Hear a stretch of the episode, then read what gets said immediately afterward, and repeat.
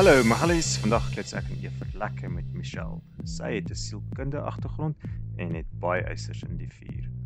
Ons het met haar in aanraking gekom as gevolg van haar betrokkeheid by Celebrate Southern Africa wat op die 13 Augustus 'n event het. Celebrate Southern African Women.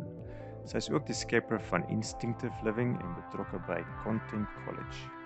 Kyk op die show notes vir links na die event en al die dinge wat sy betrokke by is. Ons praat met haar oor bokse. Hoe ons mans en vrouens in verskillende bokse sit. Kan vrouens reg beter multitask as mans? En miskien moet ons almal leer om uit ons bokse uit te klim en passies te hê oor meer as een ding op 'n slag. 'n Konsep wat bekend staan as multipotentialite. Ons bespreek sielkundige bokse wat gebruik word om om vir ons te sê wie moet ingenieurs word en wie moet onderwysers word en wonder of ons nie eerder ons eie verskeie passies moet nastreef nie. En nog 'n boks. Is jy 'n introvert of ekstrovert en is ons reg altyd in een van die bokse? En dan is daar die Big 5 personality traits. Nog bokse. Ons praat oor vrese en vaaghalsige vrouens. Die instink van vrees verrig nie altyd die funksie wat dit evolusionêr ontwikkel was om te doen nie. So miskien is dit tyd om nuwe instinkte en dis die beginsel agter instinctive living. Ja, ons het baie topics gekover, so check die show notes vir details. Laat ons gaan.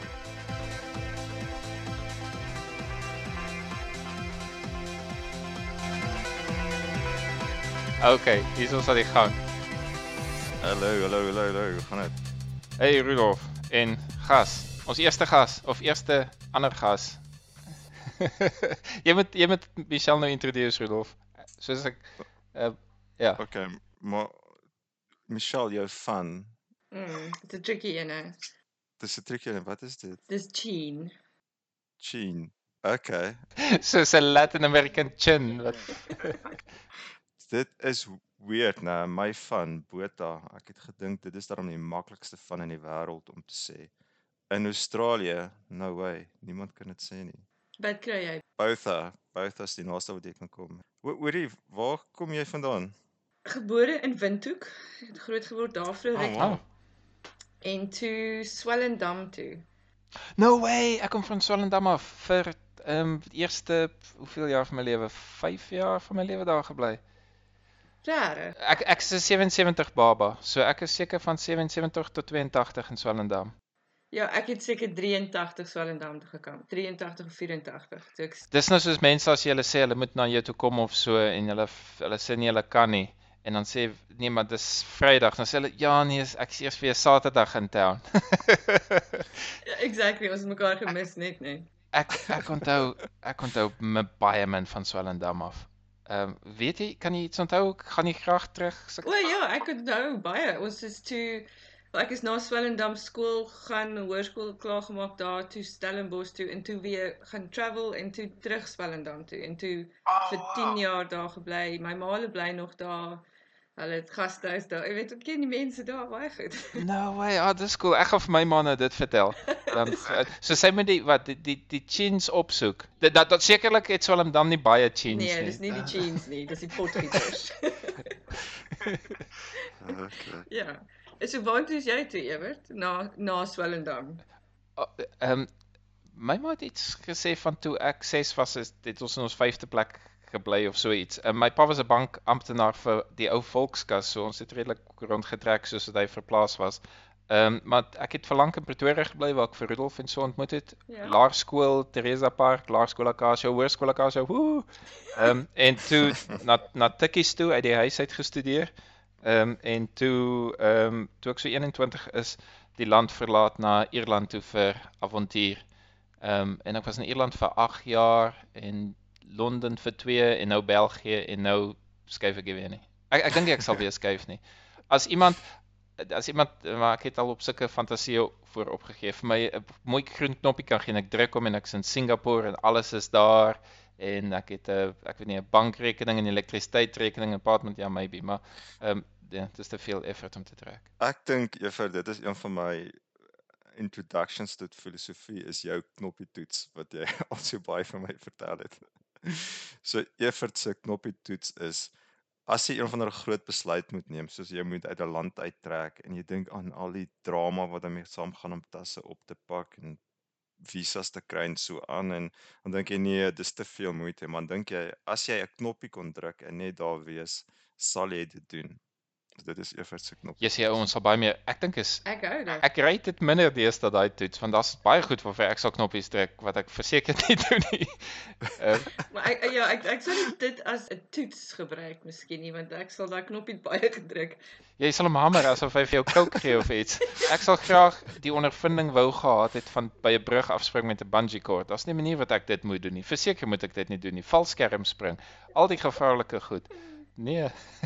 Ek het dit gedoen. Ek is baie bang vir hoogtes. So As jy in die Suid-Kaap was, het jy van um, wat is daai hoë brug van Stadensrivier gespring? Wow. No way. Ek het net afgekyk, net die bo gesien. Ek wil ek my alles raak my hande raak nou nat gesweet daarvan. So jy's wag so 'n bietjie, so jy's bang vir hoogtes, maar jy het ja, is daai face to face ding, maar dit werk nie altyd so lekker vir- met met hoogtes nie, veral nie daai tipe hoogtes nie, want as jy so jy Ja. spring obviously en dan hang jy nou daar en dan moet jy opkom.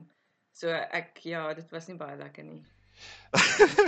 Kan- kan ek gou vinnig vra net om om Wow. om seker te wees in watter velde ek my mond moet hou. Wat is jou jou akademiese agtergrond, Michelle? Mm. Ehm um, so regte was my was my eerste liefde, maar ek, No way, ek ook. ja. Ehm um, so toe het ek regte en sielkunde bietjie kombineer en toe ehm um, honeursgraad in sielkunde gekry en 'n psigometris was my Ah, ve- my okay. veld gewees in Is dit die mense wat wit jasse aantrek met brille en en wat noem jy daai clipboards en dan skryf jy 'n toets en hulle kyk wat jy doen en sien hoe gek is jy? Nee, Een van 'n toets se tipe ding van is daai nie? goed gaan in, Is- maar nie die o. wit jas of die brille nie. Ehm en ja, so ek Okay. het baie met kognitiewe ehm um, assessering gewerk. Ehm um, medico Okay. legal 'n verslag geskryf vir mense wat ehm um, sien nou nou is- raak my Afrikaans road accident fund pad ongelukke fonds. Ah, okay. Okay, so Evert as jy sien sy neem notas met jy worry. Begin die gaan as die sê wat. Nee, ek wil vir jou vra. Ja. Ek, ek dink altyd is dit so slim om jou fears te jou nie fears nie, jou instinkte te te override en vir jou kop te sê ag, baie keer as jy weet daar's 'n tou aan jou voete, is dit okay om te spring. Want dit voel vir my jou lyf weet nie of- jou instink weet nie dat daar 'n tou om jou voete en jy kan spring nie. Jou jou instink leer net wel, my brein sê loop hier oor volgende keer as ek dronk is en ek dink ek kan vlieg, dan doen ek dit ook en daar's niks wat my keer nie. Ja, ek weet nie instink instink is die een wat vir jou sê jy moenie spring nie. Definitief. Ja, en dit voel vir my jy moet dit nie override nie. Jy moet sê nee, Nee. op goeie instink. Ek bly net hier, vat my R50. Ek spring nie vandag nie. It's trust issues miskien. Ehm um, maar ek het toen ek het my een van my besighede wat ek het is uh, instinctive living. So dit is uh, nogal 'n veld van belangstelling vir my groot oor instink of intuition regtig. En as ek toe daaroor gedink het, miskien langer, dan sou ek definitief nie op daai brug opgeloop het nie. Want alle instinkte Okay. het gesê nee. Was dit 'n op die ingewing van die oomblik of kon jy vir 2 weke daaroor stres Nee, nee, tot nee, nee, uiteindelik doen? Dit was um, ek het vriende gehad van Amerika wat kom kuier het en ek het hulle Hmm. was hulle rondgewys in Suid-Afrika. En toe op een of ander rede dog ek maar jy weet ek sal 'n tandem jump saam met iemand doen. Ek bedoel sekerlik is dit fyn. Maar obviously omdat dit so hoog is, doen hulle nie tandem jumps op daai brug nie. En toe het die mense nou klaar klaar gekoop. Hulle is nou klaar kaartjies gekoop. Ons gaan nou almal spring. So peer pressure is seker maar. Nee. Ah. sal maar dit bly. Wow. Wel, dis seker een van die goeie aspekte daarvan, want soos jy sê as 'n as 'n mens oor die algemeen nie van sulke goed doen, daar's 'n manier wat ek sommer net een Saterdagoggend opstaan so toe ry en sê, "Okay, hier spring ek nou want ek wil dit nou graag Ja, doen nee. nie." Ja. Nee, jy sê maar hoor jy ek het maar nog steeds jou guts. Ek meen as ek R500 betaal het en ek het peer pressure, ek sal nog steeds nie spring nie. Wat dit hier? Ja, sien, ek het dit nie betaal nie. So dis daai bietjie van daai Oh man. dis hulle het dit vir my betaal. So ek was okay, wel nou moet ek dit maar doen seker. Ons kan nie ja. En dit het geen effek gehad op jou hoogtevrees nie. Uh dis nie beter nie, that's for sure. Maar ek het 'n soortgelyke storie. Ek het ehm um, rock climbing gedoen. Mm. Ek het ook Ah ja, hengse hoogtevrees en ek het rock climbing gedoen en dit het Jy klim jy, jy jy klim uit die gat uit. Jy klim nie onder toe want jy voor bang is nie. jy klim van onder na bo af. Ja, dit het gewerk. Ek het gewoond geraak daaraan. Jy het meer kontrole want jy jy maak seker dat die Hmm. obviously die een wat belay dat onder staan moet mooi vashou. Maar ja, Swaar wees. ja, swaar. Wow. Ekstra swaar. Okay. Maar die analitiese, jy weet, jy kan hom analiseer oor hoe jy dit gaan doen en jy kan 'n plan maak en ehm um, Vir jouself vertel is veilig. jy kan vir jouself vertel is veilig, ja. Sê vir my um, met met die met die bungee van van die Moerse brug af. Wanneer was was jou stres dink jy die die meeste? Vooraf net voor jy spring, toe 'n vriend spring, toe onderhang, toe jy val. Ek het vir hulle gevra of hulle my kan push want dit- Ja? da- daai daai deel was die ergste geweest want jy Jy het moet jy sal nou nooit gaan teen alles gaan en actually daar afspring want dit is dis erg hoog. Dit is donders hoog. Dis 216 meter hoog. Ehm um, so en hulle mag jou blykbaar nie afstamp. Hulle mag jy nie stamp Hulle nie. mag Ah, jy nie okay. stamp nie. So jy moet spring. So dis daai daai was die ergste. En toe het ek my eintlik my oë toe gehou en net gehoop en gebid dat ek weer bo kan kom. dis baie erg. Wow. So, as hulle ene so op in jou harnas insit of so, ev- evalueer jy die toerusting ook en sê wel daai ding lyk as hy al 'n paar skrape weg het of so of is jy al toe oor daardeur ook? Nee, dit is ehm um, alles neem oor mos. Ek bedoel vrees is 'n is 'n aardige ding. Ehm um, as jy eers so bang is en en hoogtevrees is is een van daai erg goed. Ek sien albei van julle het daarom ook 'n bietjie van 'n ehm um, understanding van daai tipe vrees. Dit vat mos alles oor. So selfs nie daai logika kom deur van en veral nie kyk na hoe daai goeder geskuur is. Ja, en ah, wat ah, om doen nie. nie te kyk. Ja. Ek was nog nooit half paniekerig van vrees wat ek nie kon beweeg nie. Ek het al 'n panic attack gehad, maar dit voel vir my dis anders. Maar iewers waar jy so bang is vir iets wat al ander mense sal sê, ja, kom aan, do- doen dit. Ek, ek het nog nooit daai tipe ding gehad nie. So ehm um, eintlik om my waarheid te sê, ski dink ek altyd het is ski is 'n nice sport want jy het 'n kans om jou in die moeilikheid te kry waar iets net te erg raak vir jou en dit voel vir my ons almal breek altyd dieselfde. Party mense is op 'n op 'n blou gemaklike heuwel. Hulle ry die heuwels, Rudolf, ek weet nie het jy al. Het jy geski? Nee, Nee, hulle het hulle het kleure en so aan. So 'n blou een is gewoonlik maklik of groen of so en 'n rooi is bietjie moeiliker en swart is nou erg. Maar daar sal mense wees wat soos blou half soos 'n kat op 'n dak sit en hulle kan dit nie afkom nie, hulle kan nie move nie. Hulle is net te bang om want jy moet basies jou skis met die berg afwys, 'n bietjie spoed vang en dan eers kan jy draai. As jy stil staan kan jy nie draai nie. So as jy op die kant van die pis is, jy moet jou jy moet eers afgaan en half commit met die af en dan kan jy begin draai en so. Dis so 'n vreemde ding, vas jy niks spoed het nie, kan jy niks jy stak. En dit gebeur met almal. Jy jy dink of, "Ag, oh, kyk die ou, hy sit hier stak op blou. Dis so maklik om aan te doen dit net." Jy doen dieselfde of jou limit rooi is of swart is of geel is as jy afpis is of wat. Almal behalwe seker as jy die grootste as jy niks instink het nie.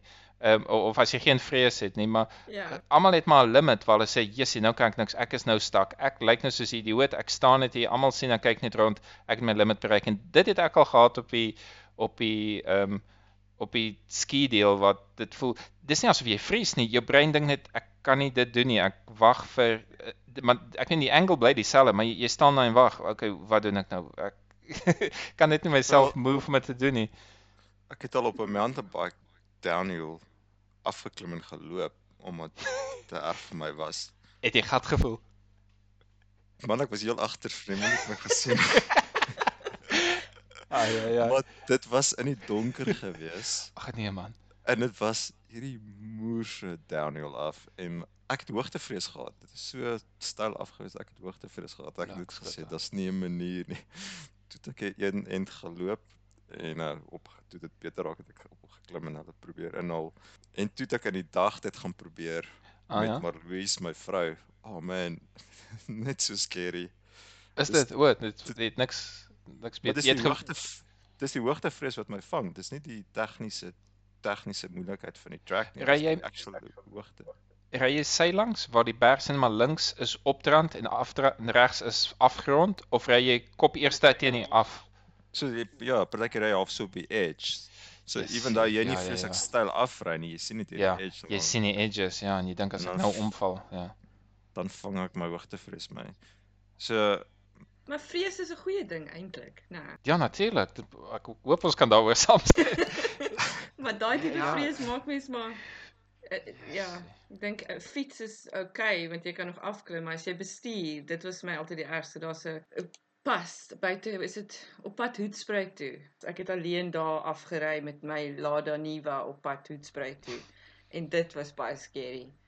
Um Hmm. oor verkeer of blinde Ja, dis 'n blinde hoeke en en baie hoogtes ah. en moeilik om dan uit uit daai posisie uit te kom want jy kan daar's niemand anders wat kan oorvat nie en jy kan nie uit die kar uit klim en hom stoot nie want dit was so jy weet dit jy kan probeer dink aan al die maniere hoe jy dit kan resolve. So, so aangesien ons nou af met hierdie pad gegaan het letterlik. Ehm um, wat wat is jou advies vir hoogtevrees? Ooh, Ek weet nie, ek het nog steeds hoogtevrees. okay. Daar daar's so baie maniere om daarna te kyk, maar ehm um, ek is nou op in 'n baie interessante rabbit hole op die oomblik oor vrees en ehm um, weet nie of julle weet van die hero's journey tipe narrative van stories nie. So Joseph Vertel ons 'n bietjie. Joseph Campbell, het jy al ooit van Joseph Campbell gehoor?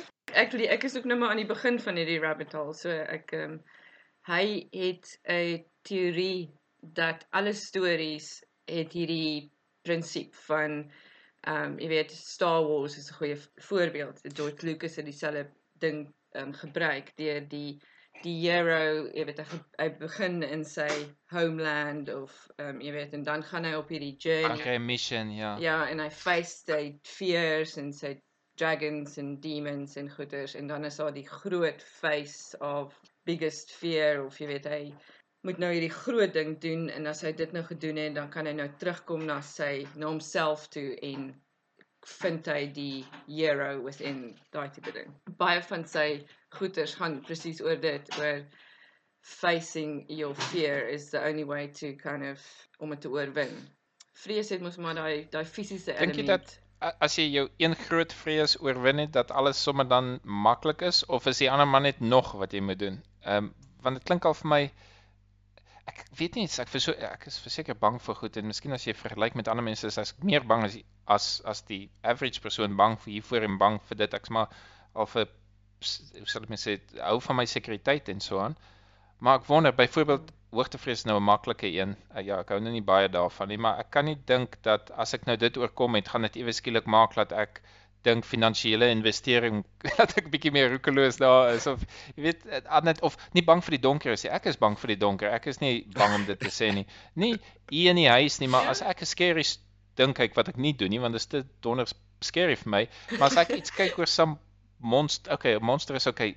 Wys my spook goed. Jessie ou, ek gaan nie graag dan in die aand in die donker in die badkamer in die in die lig aansit en die spieël rondkyk wat so oor my skouer en sê nee man, ek soek nie sulke So ek is ek is dit voel vir my ek's gewire om bang te wees vir die donker en daar's sekere goed wat ek moet vermy. Ek probeer nie meer les leer nie. Nee, dankie. Ek wil nie my demons wys nie. Kan daai demons net wegbly asseblief? Dat ek net in vrede my tande kan borsel. Ek so dit voel vir my ek vermy dit eerder as wat ek sê, okay, kom ons gaan op 'n journey en ja, ek weet nie wat. Maar maar dis daai onsekerheid is dit nie. En daar is nie in ek onsekerheid is die fear, is die vrees wat jy moet Ja, want dis die ding wat jou wat, wat wat se mens debilitating is want daar da is mos nou nie 'n spook wat hier oor my skouer gaan kyk en ek so dit is net my performance wat slegter raak as gevolg van my veer en dis nie soos hoogte waar ek sê dit actually red my lewe en maak dat ek nie van brûe afspring en goed nie. Dis sommer net stupid. Ek weet wanneer het, wanneer laas was dit useful dat daar een of ander kat was wat my gespring het van agter af en my ek weet nie my aanval ons ek sien nie regte land daarvoor nie Nee, dit kan ook 'n diep evolusionêre ding wees van Nee, verseker, ek dink dit is.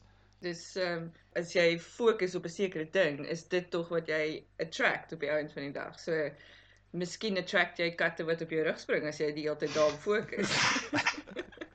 Ek het nou die dag het ek het ek gehardloop. Ek was lus om te hol en ek het in die park ingehaal en daar was nie genoeg lig nie. Ek het net besluit not worth it. Ek sal liewer op die teerrol waar die grond hard is. Ek gaan nie. Dit was nie dat dit so donker was nie. Dit was net dit voel vir my enige ek het net scenario's gedink. Ek kan mense uit die net uit die nie eers uit 'n bos uit nie. Sommige net hier voor my inloop en met my wil praat en ek is nie game daarvoor nie.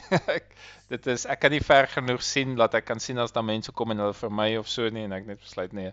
Ja, ek weet nie. Ehm um, Ja, sien wat dis wat vrees is. Dis iets wat jy in jou kop opmaak. Die, jy jy gaan nie eintlik van die berg afval net omdat jy langs die hoë afgrond is nie. Maar die fear word in jou mind create en dit veroorsaak die res van die gevolge daarvan. So die sweaty palms. Jy, jy as jy praat van hoogtes, dan begin my hande sweet, maar dis nie omdat ek by hoogte is nie, is omdat ek dit jy weet visualiseer of wat jy dit noem nie, maar dit is created in the mind. So dis daai ding wat ek dink word makliker as jy daai een veer face. Dan dan jy jy Mm. train jou mind miskien 'n bietjie meer oor Mm. hoe hoe kyk ek na die situasie. So dis nie noodwendig dat hoogte stap makliker word nie, maar miskien is daar niemand wat uit die uit die bos uit gaan spring of voor jou gaan inloop nie. Ehm um, maar net omdat jy dit daar in jou kop het, het jy nou daai vrees. kan jy jou vrees geniet? Soos byvoorbeeld as ek die YouTube waar waar die malrusse klim teen 'n gebou of teen 'n tower of so. Ek sal ek sal totaal al nat palms hê, maar ek sal nog steeds, "Ag, oh, kan nie kyk nie want dit is tog 'n bietjie van excitement wat ek kry." So dis nie net natuurlik is is my my lyf gestres, maar ek geniet dit ook 'n klein bietjie. Waar as ek van 'n krans af kyk, Partykeer het, het ek al vir morbid fascination waar ek sal dit doen net om te toets, okay, hoe bang is ek vir die storie, maar dit is miskien net om al seker te maak, okay, wat ek nou beplan het van hoe scary dit is, is, is so scary. Ek sal dit nie noodwendig goed vind nie. Ek sien dit as ja, okay, ek moet kyk, maak seker en so aan, maar ehm um, dit dit is nie vir my van nie, maar ehm um, ek kan so 'n bietjie van kry om myself te toets om in iemand anders se skoene te sit en te dink, "Jessie, dis gek." Of ten spyte van die feit dat my hande nat word. sal jy so iets doen of jy wil nie eers sien hoe ander mense dinge gaan Nee, raak nie? ek daar's genoeg goeders in my daaglikse lewe wat soos um, wat ek moet weer kom en dis nie nog dit te gaan soek ook nie. Uh, Uh, ja. Hoor so vertel my van jou um, van jou company wat jy genoem het oor instink. Uh so instinctive living Mm. is die Roekelose lewe in Afrikaans. instinktiewe, nie rokeroos nie. Wel 'n bietjie miskien. Ehm um, want dit gaan alles oor 'n bietjie uit uit die boks uit dink. En ehm um, ja, weet miskien is is die lewe 'n bietjie meer as 'n uh, 9 to 5 en instinctive living het toe ehm um, vir Dawn hy Denton ontmoet en en ons het toe Content College ehm um, gestig wat nou So daar's soort van 'n hele paar goeders aan die gang en vingers in die pies en goeders, maar instinctive living is die baba, die die jy weet die main voice. En is die idee dat dat jy half hoe sal mens sê impulsief 'n paar besluite maak om hoe sal mens sê jou lewe in te kleer so tipe ding? Nee. nie impulsive living nie. Instinct en impulse is is anders. So instinct in die in die manier van ehm um, intuition. So instinct eintlik, ek's besig om 'n boek te skryf ook, maar ek het so 'n bietjie van die pad af gegaan daaroor. So ek is nou besig om myself terug te kry. Maar instinct volgens ehm um, as jy nou gaan Google en gaan kyk wat is die definisie van instinct, is dit fear and anxiety en al daai goeders. En dis die goed wat ons gebruik het as cavemen en goed om lewendig te bly. Ek weet nie of julle ooit die Mhm. Croods gekyk het nie. Ek die Croods is nog 'n goeie se ehm um, cartoon. My kinders het dit 2 miljoen keer oor gekyk. En dis hierdie klein familietjie wat ehm um, daar daar's hierdie groot ding. Hulle is hulle is een van die enigste cave families wat nog, jy weet, um, survive het, maar die dogter ontmoet toe nou die rebel cave dude wat daar verbygekom het en hy het al hierdie blink idees, maar die pa hou niks van die ehm um, ek dink die ou se naam is Guy. Guy. Pa hou nie van Guy nie want Guy probeer vir hulle sê hulle moet nou hulle hulle grot los en Ah, ah, saam okay. met hom gaan en die new world gaan kry want die old world is besig om te crumble. Jy weet daar's 'n groot earthquake of 'n ding wat kom en jy weet uit uit skuif. So nou gaan hulle op al hierdie adventures en al pa se instink is om kry, kom ons kry weer 'n grot. Ons moet 'n grot kry en ons moet gaan onsself daar binne gaan toemaak en Guy is net nee, ons gaan nou die wêreld ingaan. So dis daai Dis tipe ding. presies ek het presies dit vir Rudolf vertel dat die eerste 1000 of 10000 cavemen wat die universe gestuur het om te sê nou gaan ons begin mielies plant en koring plant is almal oor die kop gemoer en gesê dis dinges die ons ons bly in die grot. Ag ek dink daar's hoeveel sulke stories wat hulle sê van wat jong mans iets van ag ek weet nie presies nie reageer met hulle hart en ou mans met hulle brein of so iets en die jonges is is meer liberaal, die ouers is konservatief en dis half daai balans van hoeveel change wil jy in 'n leeftyd en so aan en ehm um, en ek het ook 'n vergelyking gehoor van uh, wel dis uh Ben Shapiro, moenie my judge nie. Wat dit ja. gesê het. ek tog wie is die ou met met die fresh generator? O, uh, Deepak Chopra. Ja, ja ek ek het gedog Deepak gaan die laagste wees van ons quotes. nou soos by Ben Shapiro. Ben Shapiro het een of al twee gemstones ten spyte van uh Nee, jy's reg, hy's baie skerp en hy het ook laag gestaan. High five law students alumni. so hy het, hy het gesê die verskil tussen konservatiewe en liberale mense is jy kom sê twee mense loop saam en jy kom op by 'n heining in die middel van die veld. Die liberale ou sê kom ons klim oor die heining kyk wat aan die ander kant. Die konservatiewe ou sê, "Wo, nou wag 'n bietjie, hierdie heining is hier vir 'n rede. Kom ons wees versigtig." Ja, dis actually dis ja, dis 'n goeie een. So maar maak nou 'n storie van die Cruise klas so dit so daar's nou So die instinctive living is eintlik oor hoe hoe ons nuwe instincts nodig het want fear en anxiety ah. werk nie eintlik so goed meer vir ons nie. Mm, en ehm um, okay. weet die my filosofie is regtig dat ons is so gewoond aan bokse create en en dis ook een van die probleme wat ek so baie het met 'n uh, sielkundige um, assessering baie keer want dis net 'n ander boks weer. Um you know, neuro diversity en al daai jy weet ons is so gewoond om self in 'n boksie te hê want ek het nou al die goeters en dit is hoe ek is, maar jy's eintlik soveel meer as jy daai boks 'n bietjie los en net kyk na weet Joseph Campbell sê follow your bliss en en die res sal soort van um itself uitwerk en dit is nie so eenvoudig nie. Ek bedoel Ehm um, maar dit is belangrik en ek dink ons is nou veral besig om daai denkwyse in te gaan of moet ingaan want ons moet ons ons approach 'n bietjie verander want alles verander nou baie en vinnig.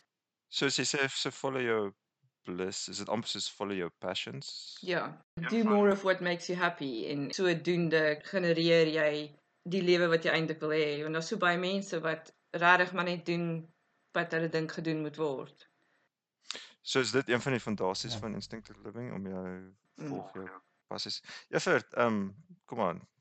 As jy kan 'n link terugtrek na een van ons ou chats toe, so dit skree na my toe.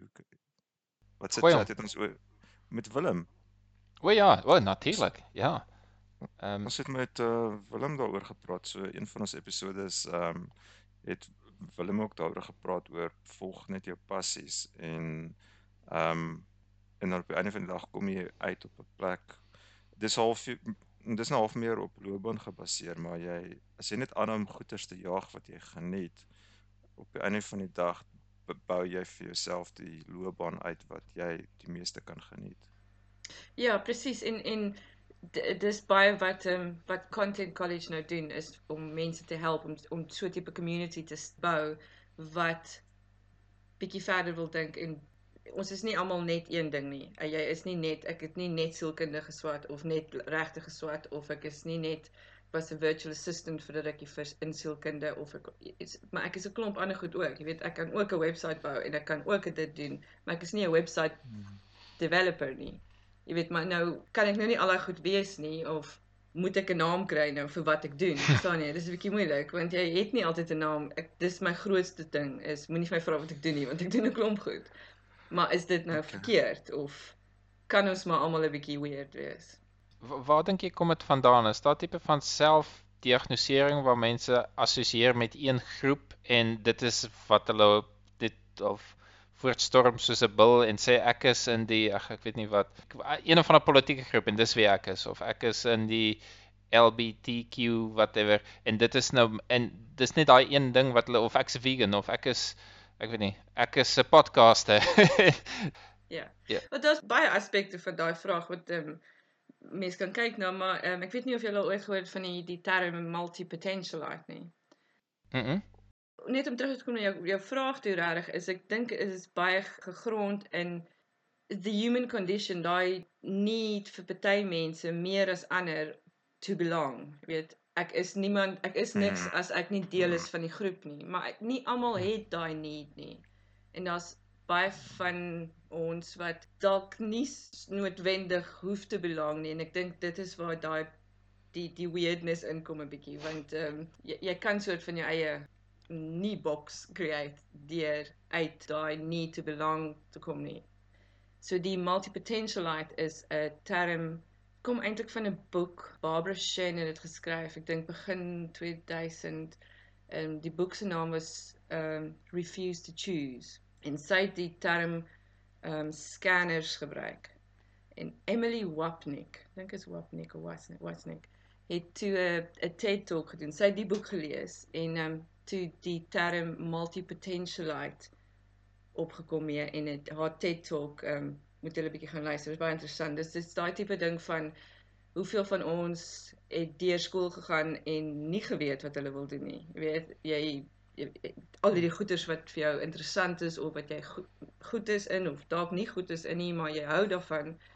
Maar jy kan net nie jou vingers sit op ek gaan 'n uh Ja. prokureur word of ek wil 'n dokter word of ek wil 'n mechanic word nie. Dis dis daai tipe van 'n wel ek weet nie wat ek wil wees nie. Jy weet want ek het dit nog nie gedoen nie. So Dit was nogal heel fashionable toe ons op skool was om toetse te doen om nou te sien wat jy nou eendag moet word. ja. En ek het Mhm. vir 2 2 dae, nee, dit was term nie 2 dae, net gevoel soos 2 dae, gesit en toetse doen en dan jessie, en dan dan moet jy goedjies bou en goed teken en so aan en toe nou op die einde van die dag toe doen hulle nou 'n 'n playback vir my om my te sê wat moet ek kan doen. Toe sê hulle jy kan enigiets. Ja. ah, gaan dit. oh, thanks. Ja. En dis wat psigometrie is, daai toetse. Dit was psigometrie, ja, ja. Hulle doen 'n IQ of 'n kogn- kognitiewe toets en hulle sal belangstelling doen en hulle sal um, ek het gewoonlik values ook daarin gegooi want ek dink dis nogal belangrik. Maar op die ou end van die dag dan kom jy daar uit en dan sê hulle vir jou, "O, jy kan enigiets doen. Waarvan hou jy?" Mm. So dan dan sê weer by dieselfde, jy weet, starting Ja. block. Maar sorry, sê sê weer die term wat jy gebruik het? Multi-potentialite. So dit dis Mhm. multiple potentials, jy weet. Dis nie net daai So so sê dat een mens kan vele belangstelling sê en dit miskien alles integreer in een doelwit of een loopbaan. Ja, o, jy weet, Okay. Da- daartoe nou, ehm um, ek dink dit was Desember het ehm um, ek 'n baie interessante ou op Clubhouse, my tweede en laaste keer wat ek op Clubhouse was, het 'n mutual friend het hom ontmoet iewers en hy het 'n movement begin. Perry Nop Noppert, Noppert. Hy's in Amsterdam. Hy het die Octopus movement begin in Bakvis. Octopus. Soos Octopus, ja. ja, actually baseer um op die Octopus Teacher wat hy gekyk het en, en wat Hailey um die, ons mutual friend vir hom vertel het van en hoe die Octopus movement is om multipotentialites en non-linear non-linear thinkers soort van bymekaar te kry en vir mense te wys dat daar 'n plek is vir generalists. Jy weet, daar's specialists en daar's generalists en en daar is 'n groot plek vir non-linear thinkers en generalists in ons society whatever. Um en Okay. hy doen amazing werk, eh, interviews met met baie interessante mense en is amazing om te hoor hoe baie mense het, ek bedoel hoe hoeveel mense doen fotografie en hulle bou websites en hy het 'n fulltime job, jy weet 9 to 5 of jy weet baie aspekte wat dalk soort van nie noodwendig dieselfde basis het nie. So Hmm. nie, nie noodwendig een weet dit integreer nie, maar dat daar verskillende legs soos 'n octopus legs is. En uh, daar's nou al die goeders van die octopus of ehm um, wat 'n oct octopus in Afrikaans? Seekat. seekat.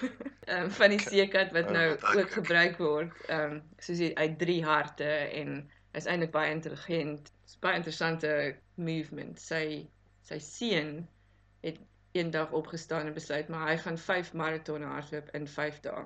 15-jarige seun om 'n awareness my Afrikaans raak bietjie erg. Weet jy, daar's 'n hele paar mense wat Afrikaners in Suid-Afrika wat ons mee gepraat het. Nou hulle meng hulle tale erger as ons. So so moenie worry daaroor nie. Moenie bekommerd wees daaroor. Dit is hy, okay. Ek is so stadiger praat. Ek praat baie min Afrikaans, so dis lekker om met 'n um, bietjie te toets. Nee, is goed. So mag mag gaan aan met die storie. So ehm um, Splinter, Splinter is Perry se seun en hy het Wag wag wag wag. Kan nie so vinnig daaroor gaan nie. Hy het sy seun Splinter genoem. Is dit 'n 'n Suid-Afrikaan wat sy seun Splinter noem? Nee, Hy's 'n ehm um, Amsterdam. So hy's O, o hy's 'n nee Hollander. Okay. ja. Ehm um, en en daar's eintlik 'n baie goeie storie. Ek het 'n lang chat met hom gehad op Zoom 'n rukkie gelede. Net actually die dag voordat sy seun begin het met die 5 maratonne. En ehm um, sy seun is vroeg gebore en hy was baie klein en en jy weet Splinter is blykbaar 'n uh, wat is dit Nederlandse name wat baie gebruik word. So o, dis baie interessant. Ja, dink Splinter sy een seun en Spyker die ander een. ek weet nie. Ek dink aan 'n stuk hout en jy weet splinter in jou vinger tipe ding. Wow. Uh ja, so toe nou Perry toe gedink maar jy weet dis 'n bietjie erg. Jy kan nou nie 5 maratonne nie. Dis 210 km. Ehm Wow. en 5 en hy het hom toe nou dokter toe hospitaal toe gevat dat hulle stress toetse doen dat jy okay. nou seker maak dat sy liggaam dit actually kan doen. En dink jy weet hy het nou gedink dat die dokter sal sê jy weet nee, dit is nie 'n goeie idee nie. Natuurlik was die dok dokter 'n 'n runner en toe besluit hy ja, dis amazing. en daar gaan Oh. Splinter toe nou. So Splinter het Vrydag, Maandag en Dinsdag het hy vroeg opgestaan en hy halfmaraton voor skool gehardloop. Skool toe gegaan die hele dag en dan 'n halfmaraton na skool gehardloop. En dan nou eh, dit was baie warm daai naweek oor ehm um, in Amsterdam. So hulle het oor die naweek ook halfmaraton in die oggend, halfmaraton in die middag en dan sy pa nou met die fiets gevolg om seker te maak dat hy genoeg water Wow. drink en en blykbaar was dit 'n amazing ondervinding vir Perry om hierdie ding saam met sy seun te doen, you can imagine. Okay. So, okay, hoe, sluit dit aan by ehm um, So Perry die die octopus movement begin en ehm um, hy werk baie en hy hy interview baie interessante mense oor hierdie non-linear Okay. thinking en ehm um, So maar wat okay, wat is die uiteinde daarvan? Kom ons eh, om nou jou diverse belangstellings na te jaag. Op- Is dit maar net om 'n meer vervulde mens te wees, om meer gelukkig. Jy sê maar net, dit is die doel van die lewe nou. dankie ewe. ja. Ja. Ekskuus my onsensitiewe host, hy het nog 10 topics op sy lys en die een is nou klaar. Ek- en ewe, en ons het al voorheen oor die doel van die lewe gepraat, so ehm um, ja, jy jy, jy Nee, stap nee. nou op ons terrein. Waar ons nie deskundig is.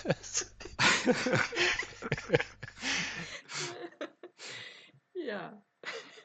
nee, maar nee, maar ek ek ek, ek hoor jou vraag, Rudolf, ekskuus. Ek Is jy, is jy wil dit net confirm dat dis om meer, meer vervulde mens te wees wat jy Ek dink in plaas van om ons word voorgesê jy moet op een ding fokus want die enigste manier om sukses in die lewe te kry is op een ding te fokus, maar dit gaan Ja, how about hulle sê jy's clever en jy moet accounting doen. En natuurlik is daar accountants wat dit kan geniet en so aan, maar jy dink okay, ja, so kan dit nou doen, maar nou doen ek nou die ding van 9 to 5 elke dag en ja, eh, dit eh, eh, so soos jy sê, as jy jou honger het om meer goed te doen as net jou 9 to 5 en jy's in iets in wat jy kan doen, nie noodwendig sleg in is nie, maar ja, as soos hulle vir jou gesê het, Rudolf, jy kan enigiets doen. Ja, maar wat Ja. as jy nie een ding wil doen nie, maar jy wil nog goed doen? Ja, ja, um, Ek dink mense kan steeds trap voel al is hulle half suksesvol in ander mense se oë. en dis ek meen dis dieselfde tipe ges, gesprek wat ons met Willem gehad het Ja. van ja, jy moet jou 10000 ure doen en dan moet jy stiek met dit want dit gaan dan jou suksesvol volmaak. Maar daar's so baie mense wat dit net nie dit werk net. Ehm um, in in content college het ons nou elke maand eh, vir vir example 'n ehm 'n tema. So laas maand was add value en ek het toe nou ehm um, weet boek gelees, baie interessante Mark Carter uit oor add value gepraat en dit was alles oor intrinsieke en eksentrieke uh, waardesisteme. So is intrinsiek is dit beteken jy weet soort van ek doen dit omdat Dit was so 'n bietjie maar toe Toby het daaroor gepraat. Dit ge, hy het uh Die locus van kontrole. Lokus van kontrole van oor gepraat van soos jy atleet is, as jy kom ons sê jy hou van ek weet nie maraton hardlope, die ou wat 'n intern fokus het, probeer net om sy eie tyd te verbeter terwyl die ou wat 'n ekstern uh, locus van kontrole probeer heeltyd die beste te wees. die medalje wen, ja. Ja. So op 'n een of ander stadium kom daai eksentrieke locus van kontrole ehm um, veroorsaak dat alles platval want of jy word siek Hmm. of iets gebeur wat buite jou kontrole is en dan moet jy 'n bietjie weet backtrack en kyk wat is eintlik belangrik want op die einde van die dag is dit maar daai interne daai daai connections daai ehm um, waardes wat jou intrinsiek wat wat wat jy van binne af opbou ehm um, wat regtig die is goeders is wat bly want die eksentriek die die smart car en die Mm. die fancy huis en die whatever dit het sy plek maar dit het nie verskaf nie alles wat jy regtig soek noodwendig nie Maar hoorie, daar's 'n ander projek van jou waaroor ons moet praat en hierdie is nou 'n goeie punt om daaroor te praat. So actually ja. um, ek wou vroeër daarna toe gekom het want een van die die vrouens wat um, daarin is is 'n standwoman uh, Fleur van Eden sy het Vertel ek vir ons presies wat dit is, wat is die naam en so en ek het nou So ehm um, Dawn en ek werk ook aan Celebrate Southern Africa wat 'n uh, ons begin nou 'n membership platform daarvoor. Maar dit help dis om klein Suid-Afrikaanse besighede globally te help. Ehm um, ook om Suid-Afrikaanse besighede in Suid-Afrika te te connect met mense wat in die buiteland is. So ons het 'n platform op Facebook, 'n Facebook groep op die oomblik, maar ons gaan dit nou skuif na 'n webwerf toe sodat mense kan jy weet ek wil vir my ma geskenk koop in Suid-Afrika, maar ek ek wil nie Takealot gebruik nie, so ek gaan Ah, kyk op ja. die op die oomblik die Facebook groep en ek kry vir Jean Genie en sy maak haar eie skoonheidsmiddels en sy kan dit vir my ma stuur want ek kan weet op haar webwerf dit koop. Jy weet, so dit is soos 'n connection met manier en dan nou om vir mense klein besighede op te bou en en te connect en te al, al daai goeders. Maar ons gebruik ook networking events. So elke maand doen ons 'n Ubuntu Celebrate Ubuntu call. En dan kan mense nou obviously van oral oor die wêreld regtig op Zoom en is 'n uur ontmoet ander Suid-Afrikaners globally.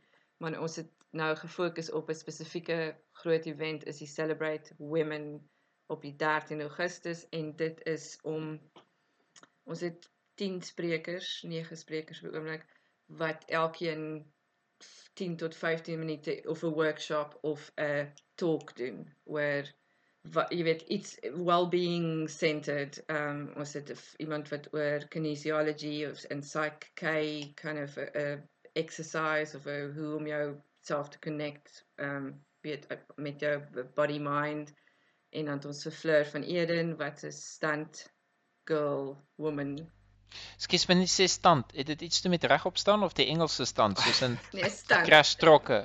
waghals Evil Wagels, Knievel. wagels, ja ja ja. waghals ja en sy is amazing sy is op Swellendam actually No way. Ja. Sy het Swellendam is kookwater deesdae. ja Ekskuus aan al ons luisteraars van Swellendam wat ek al sleg gepraat het. ja ehm ja Fleur is amazing sy was deel van die full body burn ehm Suid-Afrikaane Suid-Afrikaanse walgalse het die Guinness World of Records gedoen was dit 2 jaar gelede wat ehm um, die meeste mense aan die brand was op een stadium. Oh, daar's daar's een erger as 'n gebou afspring. yes. sê. En snaaks genoeg as jy enige enigstens vir Fleur ehm um, jy weet een van haar video's of goed kyk, sy sê sy is nog steeds elke keer bang voor sy 'n stand doen. Oh, So man. daar sy facing Wow. your fears. Ja, ek wou nou sê daar's nou daar's nou 'n area wat jy nou jou kop moet agter mekaar hê. Ehm um, jou interne locus van kontrole Ja, baie. hê. Wow, okay. So okay, so dis celebrate women. Dit gaan oor sekere sekere aspekte wat bespreek word van Ja. Daar's meditation session, daar's 'n hoe vrouens connect met met hulle self en in hulle besighede. Ehm um, so almal van hulle het klein besighede wat hulle obviously eh, deel dan met die mense wat join. Okay, so dit al vir besigheids aspek Ja. daarvan. Ja.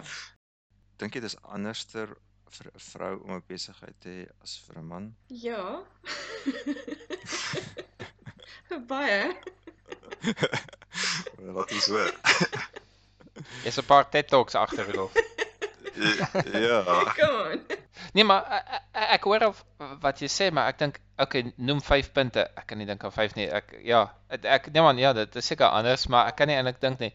Een van die punte wat ek gemaak het in een van ons vorige talks is ons het half hierdie beeld van 'n vrou wat sy's die superma en sy's die super vrou vir haar man en sy's die super besigheidsvrou. Sy moet sy moet alles wees. Sy moet dis half die image wat ons wil hê 'n vrou moet Ja. nastreef. Terwyl die super besigheidsman is soos 'n nee, daai dude, hy sacrifice alles. Hy gee nie om oor sy familie nie. Hy moet 100% in sy besigheid gee. Hy moet 80 ure 'n week werk. Dit is die ons model idee van 'n Ja. besigheidsman, maar die vrou nee, sy moet sy moet nog steeds alles doen. Ek- En ek goed doen, dink nie net is- 'n bietjie net nie net, jy weet, Ja. dat hy moet na die al die meetings toe gaan en al daai skoolboodskappe onthou en onthou dat dit môre forest school is en jy weet, Mm. ehm um, so ja, daar's groot verskil, maar weer eens kom dit neer op hoe jy dit approach, né? So hoeveel gee ons om oor wat die ander ou dink? Ehm um, as as jy as 'n unit, um, en ek dit dit werk nie altyd in alle huishoudings nie, maar as 'n unit dink ek moet families leer om miskien uit die boks uit te lewe want ek is jammer maar 'n vrou kan dit nie alles doen nie. Ja, absoluut. Ja, en en Absoluut, mens ja. moet dit, jy weet, hulle moet kan ehm um, ander goed achieve of chase of wil doen. Um, dit daar's so het- stigma oor rondom hoekom hoekom wil jy 'n besigheid hê, jy weet? Dis mos genoeg om kinders in huis te doen. Wat wil jy nou anders doen? Mm, dink jy dit is erger in Suid-Afrika as in ander lande? Hmm, dis 'n tricky question. Ek kan nou net van die ek bedoel ek het 'n ruk in Kalifornië gebly en ek het obviously Suid-Afrika en Engeland.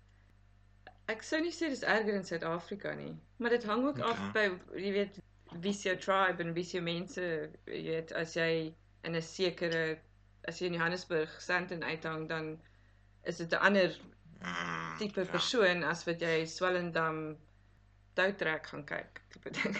Dis dis interessant. Miskien is ook weer eens 'n geval van die sirkels waarin ons beweeg het maar in Suid-Afrika. So my ehm um, ek het 3 kinders, 3 baie besige kinders. So ek en my vrou het redelik jonk die besluit geneem, okay. Ek sal die loopbaan ding doen en sy sal die familie ding doen en Mm. ons is albei gelyke partners in die verhouding. Dit dit is nie 'n refleksie van enigiets daarvan af nie, maar dit is net ons fokus is baie spesifiek. Um en dit is wat die beste vir ons sal werk. Ehm maar in Suid-Afrika het sy half gevoel sy moet heeltyd 'n verskoning maak hoekom sy nie 'n loopbaan het nie. Sy het half gevoel sy moet sê o nee, ek ek gaan weer swat of wat ook al. Sy het half heeltyd gevoel sy moet verskoning maak. Met die oomblik as sy in Australië kom, is dit soos 'n die mense het haar glad nie gejudge omdat sy by die huis bly en haar kinders kyk nie. Ja. Ek ek vind baie keer ehm um, dat die judgement begin by ons, want ons ken die Suid-Afrikaners op 'n ander level as wat jy noodwendig die Australiërs ken, as jy verstaan wat ek bedoel. So jou persepsie van wat hulle Mm. dink, wat die Suid-Afrikaner van jou dink, begin baie keer by jou persepsie van hoe Okay. jy dink 'n vrou moet wees dalk as dit Mm, sin maak. En, mm. en ek ken nie 'n vrou nie, soos nou ek bedoel nie dis sy nie. Ek sê net dit is baie keer dat ons onsself sabotage op daai manier deur te sê, Mm, "O kyk hoe kyk hulle na my." In die meantime is dit nie nou miskien hulle nie, maar dis omdat jy in daai situasie is waar jy voel dis hoe jy moet wees. Um, mm, mm. Maar maar ek bedoel op die einde van die dag is dit follow your bliss en as dis dis moeilik om albei te doen want ons doen 'n bietjie van albei. Ehm um, my man maak die kos. Ek hou nie van kos maak nie. Ehm um, en en hy Ja. doen die kinders nou op die oomblik meeste van die tyd. Hy gaan bly hulle by die skool af, hy tel hulle op, hy weet gaan doen baie van daai goed en ek waardeer dit baie want op 'n stadium het ek dit alles ook gedoen en nou is dit meer equal en is nice want ek verwag nie hy moet elke dag 12 ure werk nie want iemand moet die kinders optel en ek is moeg vir dit alles te probeer doen. Okay. So ek ja, ek probeer nou terugtrek na jou oorspronklike punt van die en ek het nou die woord vergeet, die multi Potential. multipotentialite. So en ek kan nou sien op 'n paar plekke waar dit kan connect. Ek kan sien dis dis hoe jy jou familie ook run op 'n manier en dit is hoe vrouens as besigheidsmense nie het nie 'n keuse behalwe om dit so te doen as gevolg van die al die verskillende drukke wat daarop is Ja. om om met multipotentialite uh, approach, yes, ek sê in Afrikaans. Um te volg. Dink jy daar's miskien 'n kans dat vrouens Derek sê miskien meer suksesvol daarmee kan wees om multi multi potential. Ek is seker een of ander konservatiewe ou oomie kan vir jou vertel maar mans was gefokus om te jag en vrouens het al die ander goed gedoen en daarom is hulle beter om multitask en mans moet single task en vrouens moet multitask Ja. en kinders grootmaak en dit doen en ja, okay, as sy nou regtig wil kan sy 'n job kry. Is daar is is dit al vir is is dit al 'n ou manier van daarna kyk dat vrouens is beter gegeer om multiple disciplines te in een dag te switch over Um, context switching van dit na dit na dit en Wel, jy dit kan die suksesvol te vraag doen. jy kan die vraag omdraai. Ek meen is dit met mans is daar te veel druk op mans om 'n single fokus te hê om Maar maar jy het al gesê Rudolf in, in jou voorbeeld van Hmm. mans word geselebrate as hulle alles alles half um, opoffer om die een goal te achieve. S- Ja, maar Uh, ek ek dis soos Michelle sê, ek het 'n 'n wye area van belangstellinge, maar maar tog word daar vir my voorgesê ek moet goal oriented wees. Ek moet een goal jaag en dit is om so hoog as moontlik in my loopbaan te wees. So miskien is dit nie miskien is die idee van om 'n multifocus te wees nie jou jou, jou vraag is is dit iets wat ons uitgedink het en op vrouens toegepas het, maar Mm, miskien ah, is dit dieselfde okay. waar met mans. Miskien is miskien, miskien is die multi ehm um, Antwoord om- vir beide. 'n antwoord vir beide. Ja, om 'n meer gebalanseerde lewe te hê, om verskillende belangstelling te hê, om 'n meer vervulde mens te wees omdat jy ehm um, al jou passies jag of uh, meer van jou passies jag. Ek dink so en ek dink dit daai hele ap- approach sort nogal heelwat probleme uit. Ehm um, dit dit dis alles om weg te beweeg van daai boks af, want die boks sê Hmm. die vrou moet dit doen en die man moet dit doen. Maar as daar nie 'n boks is nie, dan miskien kan ons doen wat ons blus is. Jy weet, ek, ek is nou besig om Jung ook weer bietjie op te bring. Ehm um, en hy praat van die die en die animus en die anime is dit die um, elke persoon het 'n opposite archetype, so die anime en animus, ja. En dit is daai wat jy soek in die ander persoon of dit nou jy weet ons kan dit op gender ook deesdae is daar groot debat rondom dit. As daar nie 'n boks was nie, moes ons moet ons mense dan nou, jy weet, regtig in iets indruk as as 'n seentjie van pink hou, beteken dat dit nie daar is iets fout van hom nie, hy hou net van pink.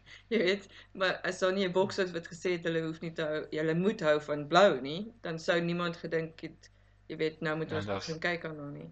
Ehm um, so die bokse is die probleem aan die einde van die dag. Jy weet, what if you can be whatever you want to be? En dit hoef nie dalk net Hmm. een ding te wees nie. Dit kan klomp goed wees.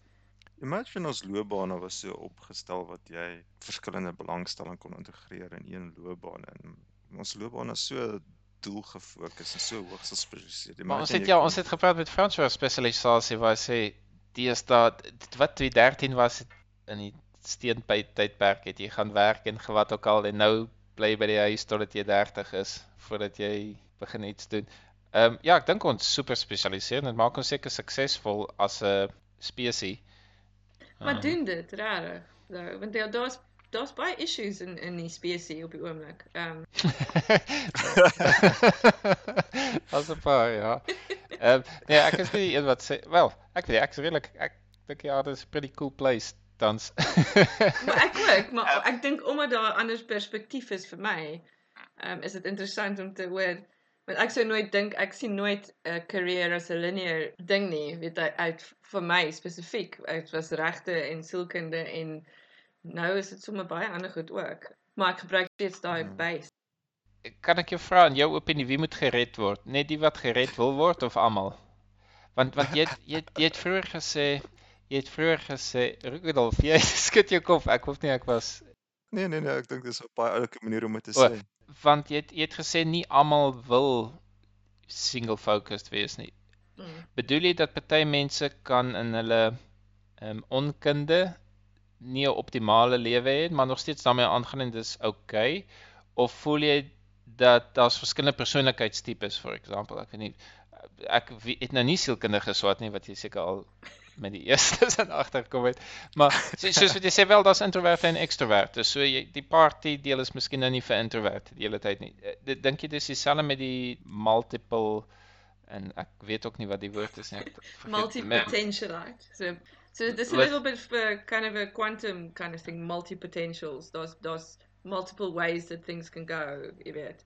Mm. Um in in ek dink almal is anders. Jy weet daar is nie 'n one fits one size ja. fits all of 'n redding nie. Ek weet nie daar daar's nie 'n maar daar is 'n journey en ek dink almal doen sy eie journey op sy eie manier. Jy weet as ek kyk na ehm um, ja, alchemy. Ek het nou gechat met 'n ander uh, skrywer nou die dag oor ehm um, tra transformation alchemy was die die age old form van turning lead into gold. Um Ja, ja, dis was die ultimate wat hulle met science wou regkry. Dis reg, ja.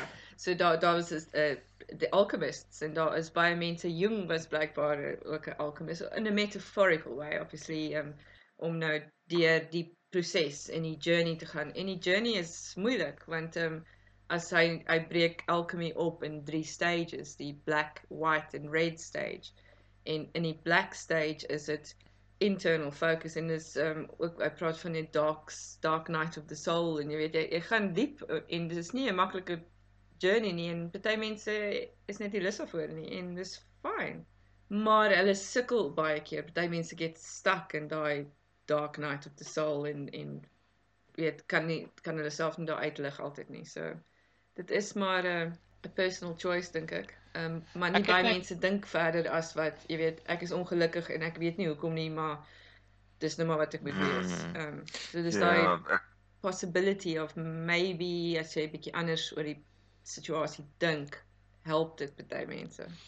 Ek um, ek het net nou die naweek gedink hoe happy is ek met die werk wat ek tans doen. Ek sien so uit om maandag in te gaan om te sien wat die ouens gebou het en is dit nou al beter as wat ons was en so aan. En my werk is seker maar tipies boring in office en so aan, maar dit voel vir my my agtergrond. Ek dink Rudolf jou net dieselfde daar was nie kans vir na skool om enige afjaar te vat nie. Om my waar te sê, ek dink as jy afjaar vat in die wêreld gaan sien, gaan dit nie nie veel help om te dink wat wil ek eintlik doen nie.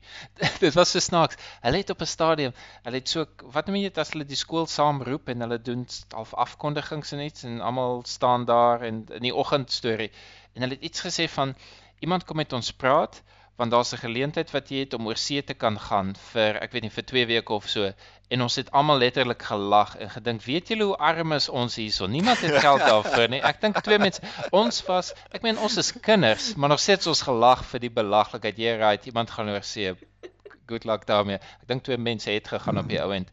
Ehm um, maar ja dit voel vir my ek moes 'n job kry want ek moet begin geld maak. Nie nie om om ryk te wees nie om om dit te maak En dit voel my daar's iets mis en Rudolf, jy praat van die skool waar hulle vir jou probeer uitvind wat wil jy doen. Jy weet niks nie. Jy weet niks nie. Jy het nog nie my pa het nie 'n besigheid nie. Ek het hom nie gehelp en karre fix of enige sulke goed doen wat ek sê, "Jessie, ek sal graag mechanic wil word want ek het hier met 'n kar gewerk en dit was nice of ek het hier dit wie en wie gaan sê ek wil accounting doen want ek het ek het daai een naweek op die kantoor gewerk en uh, dit dit sal vreemd hoe jy by jou job uitkom en ja, ek het accounting geswat of accounting en law, maar ek het self toe ons, toe ons by die universiteit moes gaan, ek weet nie vir tiks moet besoek het. Dit besluit maar accounting is is boring vir my. Ek wil nie daarna toe gaan nie. Ek gaan sommer hier na die regte toe gaan en kyk hoe lyk hulle fakulteit en toe het ek op die ount regte beek om regte geswat. Ehm um, so ek my accounting half half pad gedoen en nie die regte gedeelte. Maar dit voel my ek was hopeloos geaam daarmee behalwe dat iemand sê ja, miskien is die hek nou nie toe nie. Jy sal daar my eksamen kan slaag hiermee, maar dit het nie vir my vertel waarvan ek eintlik hou nie en ek dink as ek vandag op some Rudolf soos ek en jy gepraat, ek hou van stelsels, van komplekse stelsels om dit te analiseer en te verstaan presies hoe dit werk en so aan. Nie heeltemal die goed waarna ek studeer het nie. Alhoewel ek dink ek dink weet nie, accounting my enigstens gehelp en die regte het my verseker gehelp met logika en sulke tipe goed. Ja. Maar Eva, jy by 'n vandag het jy uitgekom waar jy wou gewees het, want jy het aangehou om jou jou ehm um, Ek weet nie of ek eers dit sal sê nie, Rudolf. Ek sal sê ek loop tans op 'n pad waarvan ek hou en oor die algemeen kon ek nog altyd iets in my werk hê waarvan ek hou, maar ek's nie by 'n destination nie. Jesus nee, ek weet nie. Ek is bang ek kom by 'n destination uit. Ek's bang wat hulle sê vandag hou jy op met werk en en wat dan? maar, maar dis nie 'n werk nie, dis alles transferable skills, né? Want al die goeders wat jy gedoen het, wat of dit nou regte of accounting was, daar da is iets wat jy kan transfer na systems toe of processes toe of om nader te beweeg na die A destination. Ek dink jy daar is 'n destination. Ek dink daar's net 'n transition eventually. Ja, ek ek regret nie eintlik wat ek gedoen het nie, maar ek voel net toe ek die besluit moes gemaak het wat nou glo baie belangrik is besluit en is ten minste finansiëel redelik belangrik as jy gaan hoeveel duisende rande spandeer op iets. Jy sê ons moet 'n bietjie meer weet wat gaan aan voordat ons daai besluit maak. Maar ons moet ook uh, ons kinders, ek voel ons kinders moet meer experience oor ja. oor, oor wat is dit om my my dogter het nou 'n YouTube channel begin en dit was 'n bietjie scary, maar dis wat sy wil doen. Sy wil ek weet nie video's maak oor hoe sy kos maak en die hoender se hok skoon maak en sulke goeders. En dis sy geniet dit, maar nou dit is ook 'n experience en en ja. sy leer goed daaruit wat sy nie in 'n boek kan leer nie. So jy ver, sê jy half dat mens vroeër op die regte pad moet kom wat jy ek weet nie ten minste in nee, jou loopbaan. Ek dink jy moet jy moet vroeër weet van alle paaie en 'n bietjie ondervinding het voordat jy 'n pad kies. Ek okay. my, my ouers kom uit 'n uh, hoe sê administratief my, my ma en pa was beide bankamptenare of so. So daar was nie eintlik 'n kans dat ek 'n mechanic gaan word of ingenieurswese sal swat bloot daarvoor. My pa was baie um hands-on met enigiets. Hy sy eie kar gefiks en brieke vervang en so aan. Maar dis nie asof hy 'n uh, siviele ingenieur was en gesê het, "Ag, ah, ingenieurswese is goed. Jy moet kyk na elektries hmm. of elektronies of sulke tipe goed nie." So En ja, ek weet ook nie daai akademiese velde is so moer groot. Sê dit eintlik vir jou wat se tipe werk kan jy kry en hoeveel tyd het jy nou as 'n 16, 17 jarige om nou te gaan werk iewers en en te sien. Ehm um, plus ek wonder baie oor die akademie ak, akademie is wel of dit nie 'n bietjie gaan verander nie want ja, die die okay, maar, ek wil dit terugtrek na die uh multipotentialite en ek het dit nou gelees vir my. Ek ek wil nou net sê waar het jy dit neergeskryf jou bliksem?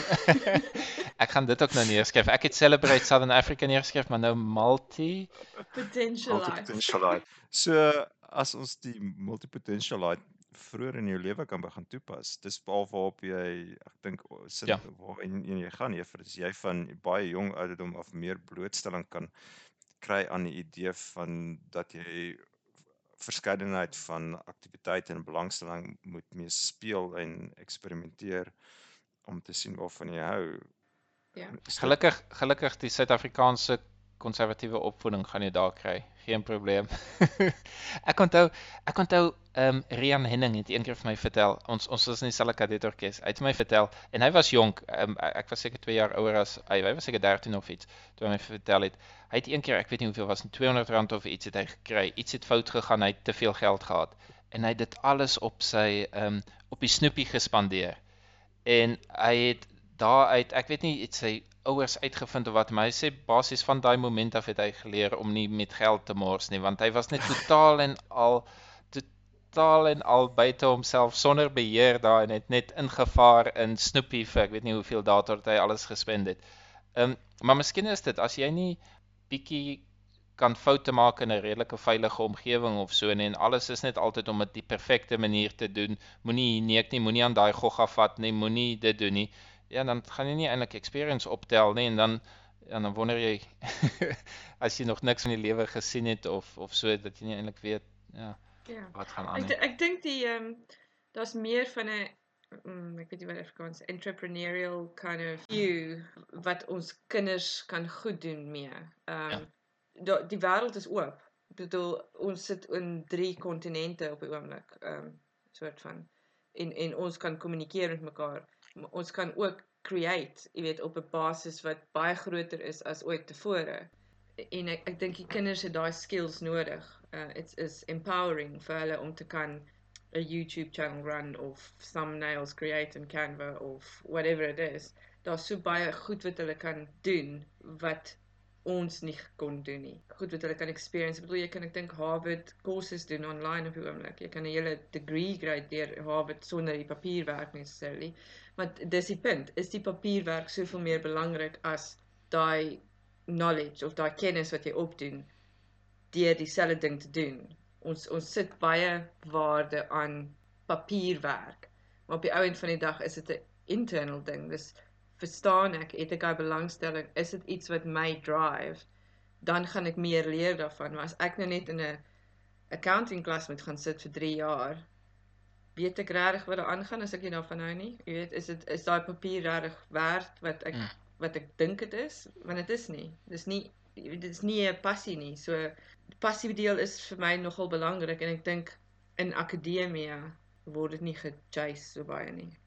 Ja, ek sien nie net van formele wat fakulteite en en so dit dit moet tog sekerlik bestaan sodat kennis en ja. en dat daar iets 'n bietjie meer formeel is as Wikipedia, maar ek weet nie moet ons almal deur die gates gaan daarvan om uit te kom waar ons op mees effektiefste is nie. Ek is maar 'n sakker vir ek weet nie, dit voel vir my klink soos een of ander um socialist vir om om jou produksie te optimaliseer. Want hoe kry jy die meeste uit die mensheid om om iets usefuls te doen?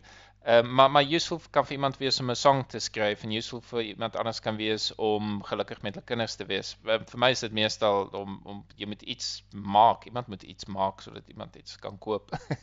Ehm uh, nie dat ek iets maak nie, maar ja, ehm um, Ja, maar maar dit dit kom ook neer op passie. Ek bedoel 'n uh, 'n meestersgraad in sielkunde beteken nie ek weet alles van sielkunde af of 'n honeursgraad of whatever of 'n uh, Maar dis kom ons jou genooi het, Michelle. maar maar. Dit is dis 'n lifelong mission. Ek bedoel ons kan 'n 'n tese skryf oor Jung, maar dis net een aspek van dit. Ehm um, daar daar's soveel meer as daai formele. En ek hoor wat jy sê, dit is belangrik, maar dit is nie altyd so belangrik in alle velde nie. Meestal miskien hmm. vir, jy weet, ehm um, sciences en en goed soos dit. Maar op die einde van die dag kan jy daai goed leer sonder om daai papiertjie te kry. As dit 'n internal um driver is. Hoe het jy sielkunde studies ondervind? Toe ek gaan toets is, toe ek na skool, um toe sê hulle ook vir my jy kan doen wat enige iets wat jy wil. Sê ek maar ek wil sielkunde swat. Sê nee, maar moenie sielkunde swat nie want dan kan jy net skool gee. Want ek kan net skool gee. Ja, jy gaan jy gaan jy weet jy gaan oh, opeindig nee. as 'n onderwyser. Ah, so man. jy hou van travel en jy hou van mense, so gaan swat law. Dis en dan gaan jy in die diplomatieke diens werk. O, oh, wow. Ja, dit is amazing klink. Dit is baie goeie sales pitch. Uh so 3 jaar in te werk het nie so lekker nie. Jy weet dit was dis interessant en dit is great, maar daar's nie baie justice in law nie en en ek is Yes, see, ek het dit was een ding wat ek van law geweet eh, agtergekom en dit is nie so swart en wit soos accounting nie. Yes, see. Dit is so grys soos kan kom. Ehm um, so toe het ek op die ouens sielkunde geswat en ek het op die ouens skool gegee vir dit. Ehm um, en ehm um, ja, maar terwyl ek skool gegee het, het ek toe nou my my postgraduate certificate in education gedoen. So toe tik ek nou maar daai een ook af en toe gaan doen ek 'n honeursgraad in sielkunde en toe uh, registreer ek as 'n psigometris. So dis 'n groot storie. Jy moet 6 maande internskap doen en dan 'n groot board exam skryf en dan dan is jy nou daar. Wat wat leer mense in sielkunde? Begin hulle by hoe die brein werk of by geskiedenis van die filosofe of die groot sielkundiges of wat wat wat as jy nou so vinnig dink, wat het hulle jou al geleer in sielkunde en kan jy iemand dit leer of is dit meer om te luister tipe van bewus te wees van mense om jou? So ek het research gehad in mediese law en sulke goeders as vakke in my sielkunde graad wat obviously nou 'n groter prentjie vorm. Maar ehm um, jy weet jy leer maar van van Freud se basiese goed en jy leer van ander sielkundiges. Die is teorie, is teorie, nee, en hmm. en um research was een van die grootste statistieke en hoe jy dit goed bymekaar kry want dit is deel van van psigometrie is um ja ja jy weet statistiek en en wat se afleidings jy maak dit gaan maar oor interpretasie van hierdie goeters en om nooit die MBTI as 'n manier van measure te gebruik nie Wat is dit? Dis een van die psigometriese toetse. Myers-Briggs. Soos dit uit. Dis uit. okay. okay. Ek kan dan my vrou dit geleer. Is baie duur om 'n Myers-Briggs ehm um, sertifikasie te kry en dit is gebaseer ja. op baie loosely op Jung se archetypes. Wat hy toe later gesê het, maar dit was eintlik maar meer van 'n teorie en hy is nie so seker daaroor nie. So dis baie boxy, 16 Ek wil nou net vra, is dit nie ja. Ja. Jy val in een van daai 16 groepies in. So ek is meeste van die tyd 'n E E N slash T, jy weet. Dis 'n goeie voorbeeld van boxing. Ek dink altyd as jy 'n kursus wil verkoop aan 'n groot company en jy wil goeie feedback kry aan die einde, gee net vir almal 'n spieël want die goed wat hulle sê, "Ag, oh, ek is 'n blou vierkantjie en jy's 'n groen driehoek." Ja, dis presies jy. Of course hou mense daarvan. Jy kan hulle enigiets vertel. Vertel hom net dit is jou kleur. Jy is 'n amandel en jy is 'n perske en so aan. Shot, hulle gaan vir jou 100% gee. Mense is mal oor om vir hulle self te hoor. Natuurlik, ek ook, maar ek wil nie daarvoor gaan en my tyd mors nie. Ek het production wat ek moet doen. Ehm maar maar soos jy sê dis dis boksies. Ja, dit Ja, is boksies. Maar dit is nou een tool en ek hou niks van daai tool nie. So ek jammer vir jou vrou om ek probeer nie offend nie. Maar dit is 'n 'n tool wat baie geld kos. Companies gebruik dit nog steeds. Hulle maak hiring en firing decisions eh, gebaseer op die tool en daar is geen scientific basis vir dit nie. Daar is Ah. ander tools soos die Big 5 um personalities wat ek van hou en wat um wel gebaseer is op, jy weet, en dit is hoe dit gebruik word en hoe dit gemeet word en dat dit veranderbaar is, jy weet. Is dit daai vyf wat jy genoem het, Rudolf, agreeableness, Ja. intellect en Introversion, ex- ons extroversion, conscientiousness, um agreeableness, neurotic. Wag, wag, maar nou dat jy dit het, kom ons doen dit daarom in Afrikaans, want ek is geïnteresseerd. Nee, ons kan probeer. Ons maak dit 'n spanpoging. So Agreeableness is is basies of jy pushover is of nie of iemand jou hoe hoe maklik al gaan jy saam of is jy bereid om op jou eis net voor te donder. ja. Ja, so ons kan werk wat- op ocean. Hy werk op um ocean of canoe. So ocean is openness, sal die eerste een wees. So openlikheid, Hm? hoe transparant jy is en daar's geen Afrikaans daarin nie. Okay. C is vir conscientiousness, so Hoe hard jy werk. ja.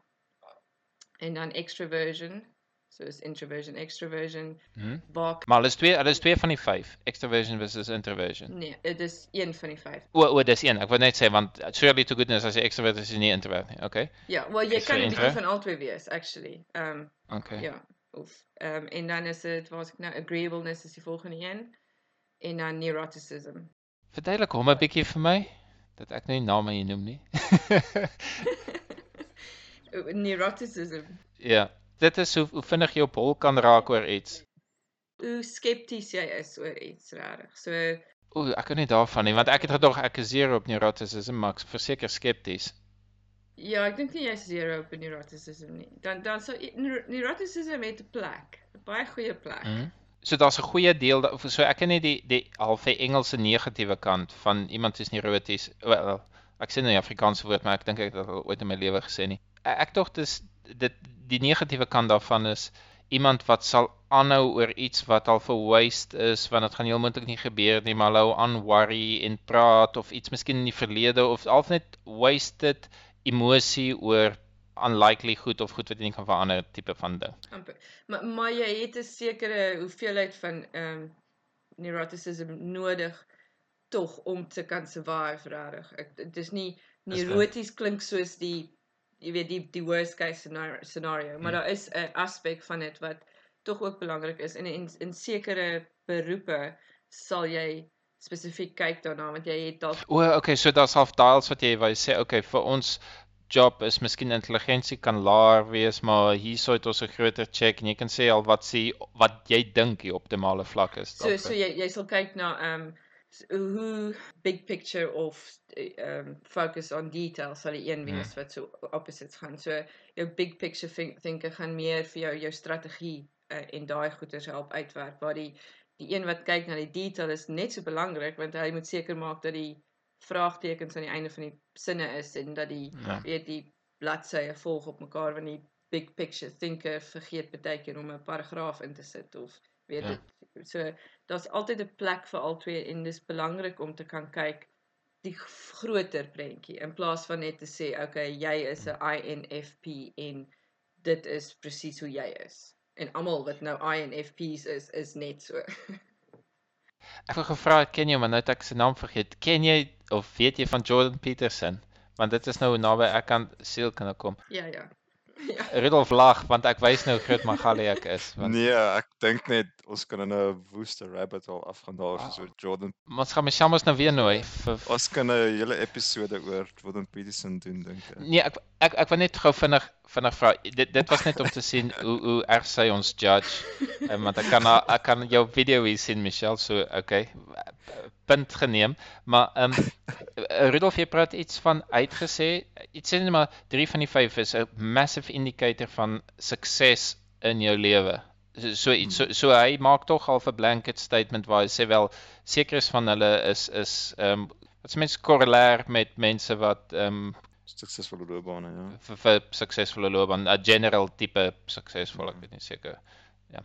Ehm, um, skus, ek sal nou ophou met met my pop saai. Goed, ek was net geïnteresseerd in die 5 want ek en Rudolf het al gepraat oor die 5 en gedink ons moet een keer 'n gooi maak daaroor. Ehm, um, As mens kyk na die die 5 um Big 5 personality traits, so as soos wat ek dit verstaan het, soos wat Eva nou verduidelik, soos wat ek verstaan van Jordan Peterson, is dit nou half om loopbaan sukses te hê. Maar jy kan dit gebruik in verskillende aspekte tog, jy weet, jy kan dit gebruik in 'n baie companies gebruik dit as deel van hulle hiring proses um, om te kyk waar die persoon sal inval in die structure of hulle weet sekere traits het. Dit is ook 'n goeie tool vir self-development though. Ehm um, jy weet personality Okay. So ek het wat die vraag wat ek wil vra is as jy nou sterk op al 5 is, dan gaan dit half dalk beteken dat jy 'n suksesvolle loopbaan loopbaan gaan hê. Mag beteken dit noodwendig dat jy 'n gelukkige mens gaan wees. Daar is nie 'n sterk op al 5 nie. Want wat is sterk? Is is is 'n extrovert beter as 'n introvert? Hoekom? ja, want ek sê introvert en hulle is cooler. Exactly, ek ook. Maar ek het ook extrovert um tendencies in sekere situasies. So dit gaan oor drivers. Die, jy weet die 5 is maar net een manier om na 'n klomp goed te kyk. So as jy kyk na hoekom en wanneer jy sekere characteristics show, um dis waar jou value of jou um interpretasie inkom. Um dis nie dat omdat ek 'n big picture thinker is, is ek goed nie. Jy weet, jy- da- dit is op 'n skaal. So ek gebruik 'n baie interessante um ene wat ek baie geniet wat ek in die UK gekry het en is um Lumina Splash. En hy hy kom eintlik op 'n app ook. So dis 'n splash en hy wys vir jou soort van jou traits. Um ek sal nou vir jou wys, maar hulle is hulle op die oomblik wys hulle nog nie um so hy lyk omtrent so ietsie. Oh, En hy wys nou soort example, jy sal sien aan die middel is dit introvert, extrovert. So die extrovert is baie klein daar. En dan kan jy nou gaan kyk na elke aspek en soort van wat dit beteken en, en ek doen dit nou al vir 5 6 jaar. Um, doen ek een omtrent elke jaar, partykeer 2 jaar.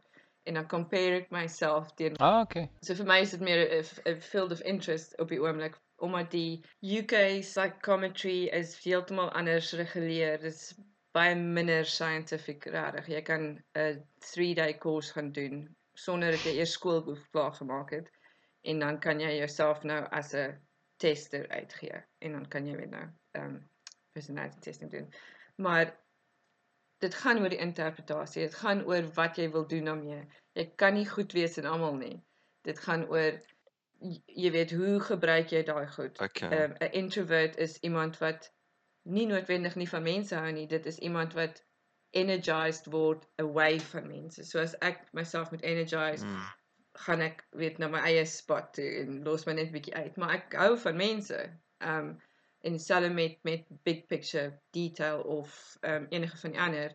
Dis nie dat ek jy sleg is in die ander goed nie, dis net dat jy meer focused is. So dit is hoekom as ek nou vat nou in my veld pro programmers introverts kan goeie programmers maak want hulle kan daar so sit en om om 'n klein projekkie daar te doen en dit suksesvol te doen, dit gee vir hulle energie en dit Ja. net om die ding te maak werk maak hulle gelukkig. Hulle het nie nodig om mense se prys te hê en so aan en om Exactly.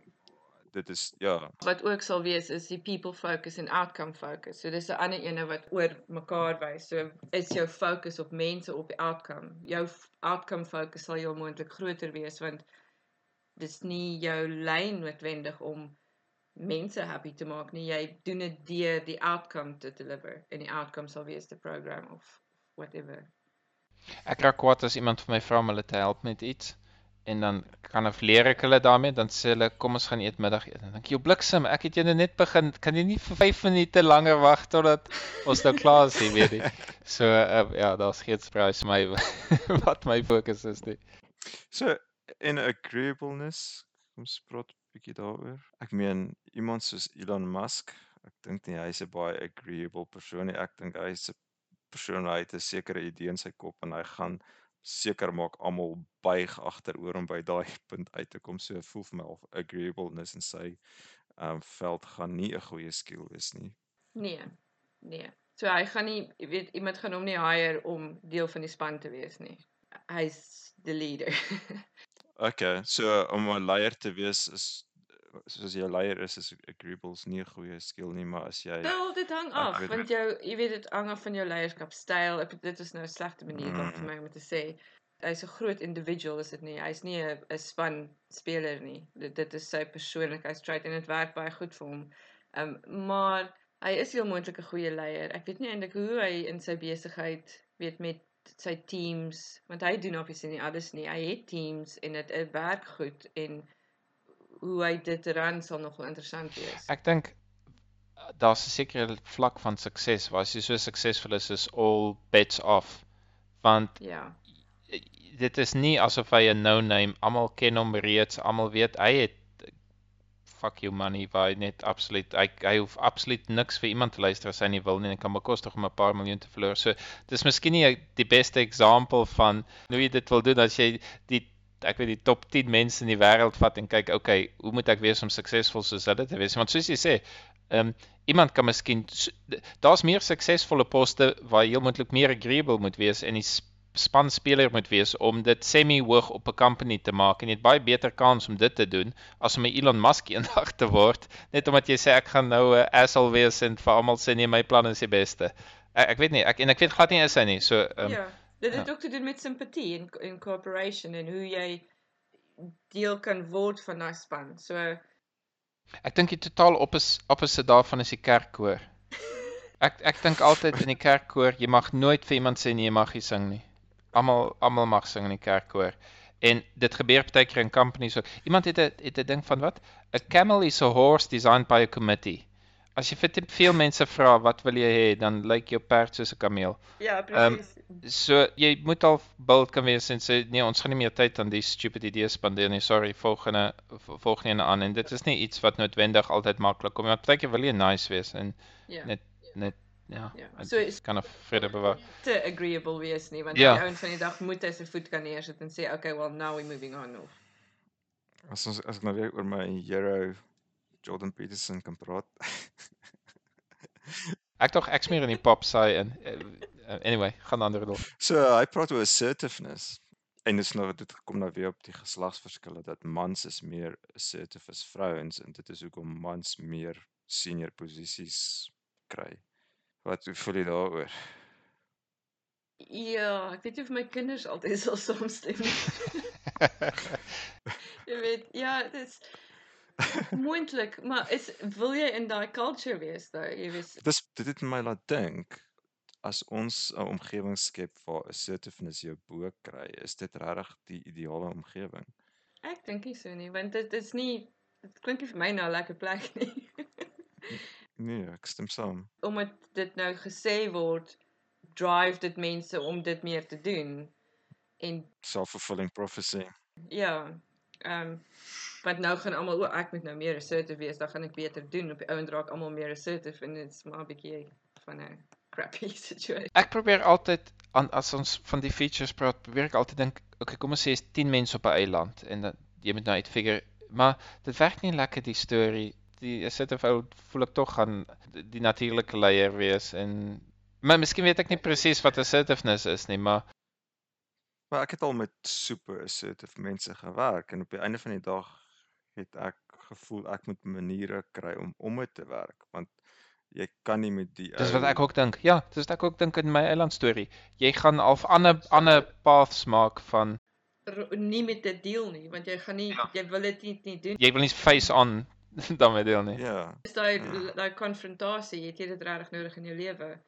Ehm um, en en dan kom ek weer terug na empatie. As dan nie dan moet tog ons moet tog op 'n level van empatie rondom ons hê en hoeveel van dit is daar in 'n company of in leierskap of whatever. Ehm um, dit Maar Rolf, jy het een keer vir my vertel jare terug. Het jy vir my vertel van 'n ou wat by jou gewerk het wat regtig 'n uh, nou moet ek my woorde hier tel vir wat regtig onaangenaam was. Ek wou dit sê maar ek ekskuus Michelle, ek's nie nou ek nou is ek seksis of iets omdat ek nie vir jou wil vloek nie. Ons moet dit nou maar uitsny. Maar jy het vertel Rudolf van van die ou wat regtig erg was op jou kantoor. En toe jy as leier instap, toe toe voel dit vir jou uit half net okay, okay, hier's 'n nuwe dude wat die wat die shots call en toe sê hy okay om mm. te back off. Maar om een of ander rede het hy gedink terwyl daar chaos is, is sal hy net maar voortgaan. Dit is al 'n vreemde instink en dit ek net dag het ek daaroor gelag toe ek daaraan dink want dit is 'n interessante storie dat mense is noodwendig altyd so nie. Dit was net sonder 'n leier was hy so en toe hy of of to say monkey brain if you like accept dat daar is nou groter boelie om Rudolf loop daar met sy spiere.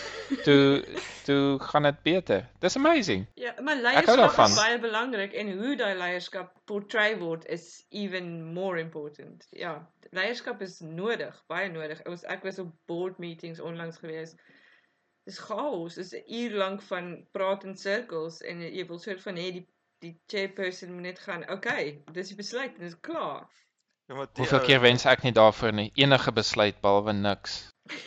Ja, die ou was soos 'n leeu met 'n seer tand. Hy het heeltyd hy was onder druk geweest want hy hy het gesukkel. Hy het regtig gesukkel. Hy was in posisie wat hy nie regtig kon vervul nie en hy het die hele tyd almal almal kwaad geword en hmm. omdat hulle hom nie verstaan nie en so aan. En ja, almal rondom hom het het afgeding is en die oomblik toe ek as 'n leier om aangestel oor hom word toe is hy so soos 'n lammetjie. Dit was absolute transformasie en dis nie dat ek iets gedoen het nie. Dis ek het nog ek was nog nie eens 'n dag daar gewees nie toe hy sy houding verander. Um Dis interessant. So dis ek en dit laat my dink Evert en ek het van wildtuin stories ver, ver, vertel. Maar ek gaan praat oor my hond. Dis naby genoeg aan 'n wildtuin. Ag, ek het gedog gaan jy 'n renoster storie wees, maar okay, vertel jou hond. Wat dit is wat kom ek vertel die olifant storie.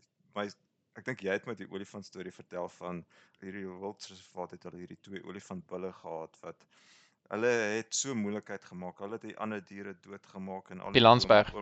Die die olifante ma, ma, ja, maak die renosters dood.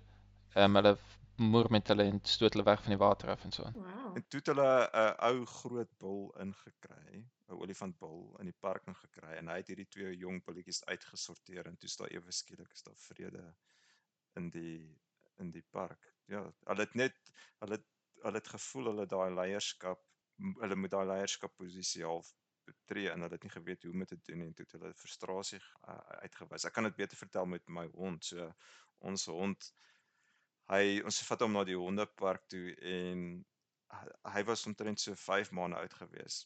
En toe's daar 'n klomp klein baba hondjies, klomp pappies en skielik het hy gevoel hy moet 'n gesagsposisie en hy het begin onder hulle invlieg en hulle byt en te kere gaan. En omdat hy self 'n pappie was, het hy nie regtig geweet wat om te doen hier so. Hy, hy het geweet hy's 'n groot hond om of ander rede. Hy weet hy's 'n groot hond. Hy het geweet hulle moet uitsorteer en hy het nie die skills om te doen nie. Dit is nou regtig 'n bad was 'n bad leier gewees. Ja, ek weet nie, miskien is mense ook so as jy as jy in 'n posisie gesit word waar jy ongemaklik is, dan bring dit nie jou beste dele uit nie. Wel miskien kan jy nou weer sê almal is anders, so miskien mm. ehm um, reageer party mense power teen power en ander mense sê nee, as jy my as jy my aandag wil hê, gaan jy moet nice wees met my, anders te gaan ek soos soos wat ek en jy al suggested het vir ons pad hier omkry om te werk want ek gaan nie noodwendig direk nie so dis seker maar ja. Dis hoekom die ehm um, assesserings kan help want nou kan jy sien okay nou verstaan ek die ou van daai aspek af in plaas van om in 'n boks sit kan jy sien okay well hy's 'n bietjie meer people oriented so ek gaan daai aspek jy weet um approach in plaas van sê okay well hy's so en dis klaar. Nou moet jy alles nou vir my terugtrek na multipotentiality ek wil ek wil ook graag kan, kan ek miskien die vraag vra en dan kan Michelle dit net antwoord dan go for it. soos almal nou suksesvol. Wat is stap 1 in multipotential. Of course is daar baie wat jy daar moet leer en dis 'n lang pad of so, maar wat is die ding wat jy moet weet of wat jou terughou om dit te doen? Wat is die key of is die key net gaan lees verder daaroor? Ek Ehm, um, dink is dis begin met 'n awareness. So die just wat die octopus movement doen en dis 'n baie nice um plek om te begin. Hulle het 'n nice manifesto wat hulle ook het en hulle is op verskillende platforms. Maar dit begin met 'n awareness dat ons nie almal is linear thinkers nie. Jy weet, party van ons is non-linear en dink 'n bietjie uit die boks uit. So en dis oukei. Okay. Dis oukei okay om beweer te wees. Hmm. So stap 1 is awareness. Okay. En stap 2? jy, jy dink jy het alweer op tik. oh man. Come on. Wat my nou so people like. Well, um find your bliss dink ek, maar dis 'n lang Ah, weet jy, weet jy, daaroor kan ons seker julle gooi oor praat. ja. Ehm um, ek ek dink ek is oor die alg wel ek dink nie ek lag heeltyd nie, maar in general is ek gefassineerd om goed wat my aangaan. My brein is meeste van die tyd besig met goed wat ek geniet op my eis. Ehm um, ek ek, ek dink daar's soveel mense wat nie eintlik weet waarvan hulle hou nie. Dat wat wat nie weet wat is dit Hmm. eintlik dat wat jy enjoy nie. Jy dink okay, so my vriende sê ons speel sokker elke Saterdag. Okay, ek reken ek hou daarvan en en so en daar's niks fout daarmee. Miskien is dit waarvan jy hou, maar ek dink daar's daar's social traps ook, want dit is nou maar wat jy doen. Jy gaan elke aand uit en drink 'n paar biere saam met jou vriende en eintlik weet jy nie veel van hulle af nie want jy praat nie eintlik nie of of ja, wat, wat ook al. Ja, dit is vir my, jy sê, dit is vir my een van die hardste goeters is mense nie hulle volle potensiaal bereik nie. As ek sê volle potensiaal bedoel ek om hulle lewe soveel as moontlik te geniet. Ja, en, en dit kom weer terug na fear, jy weet. Baie keer doen ons nie iets nie want dis te scary. Ek bedoel vir my dit is my fearful ek sou daar wakker lê net om 'n gesprek te hê op 'n op 'n Zoom call met iemand.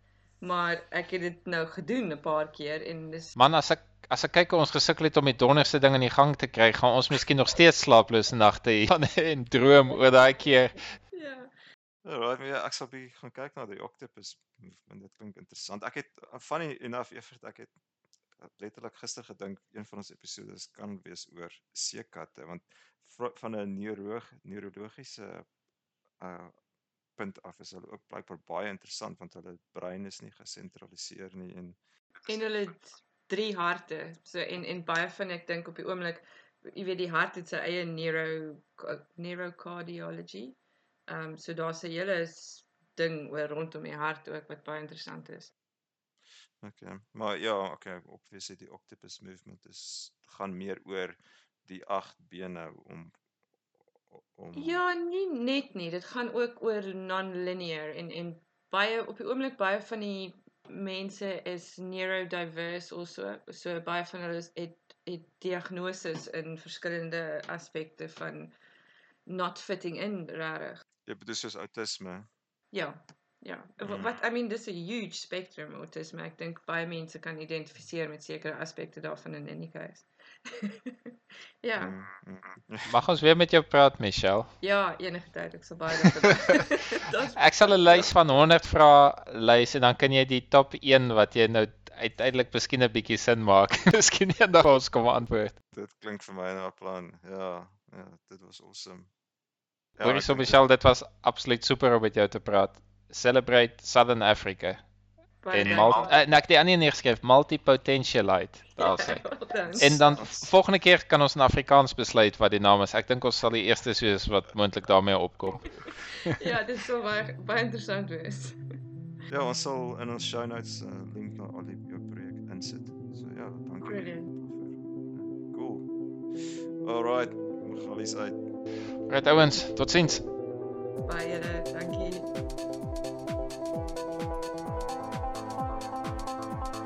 Vir enige navrae of kommentaar, kontak ons by magaliespotgooi@gmail.com of check ons uit op Facebook.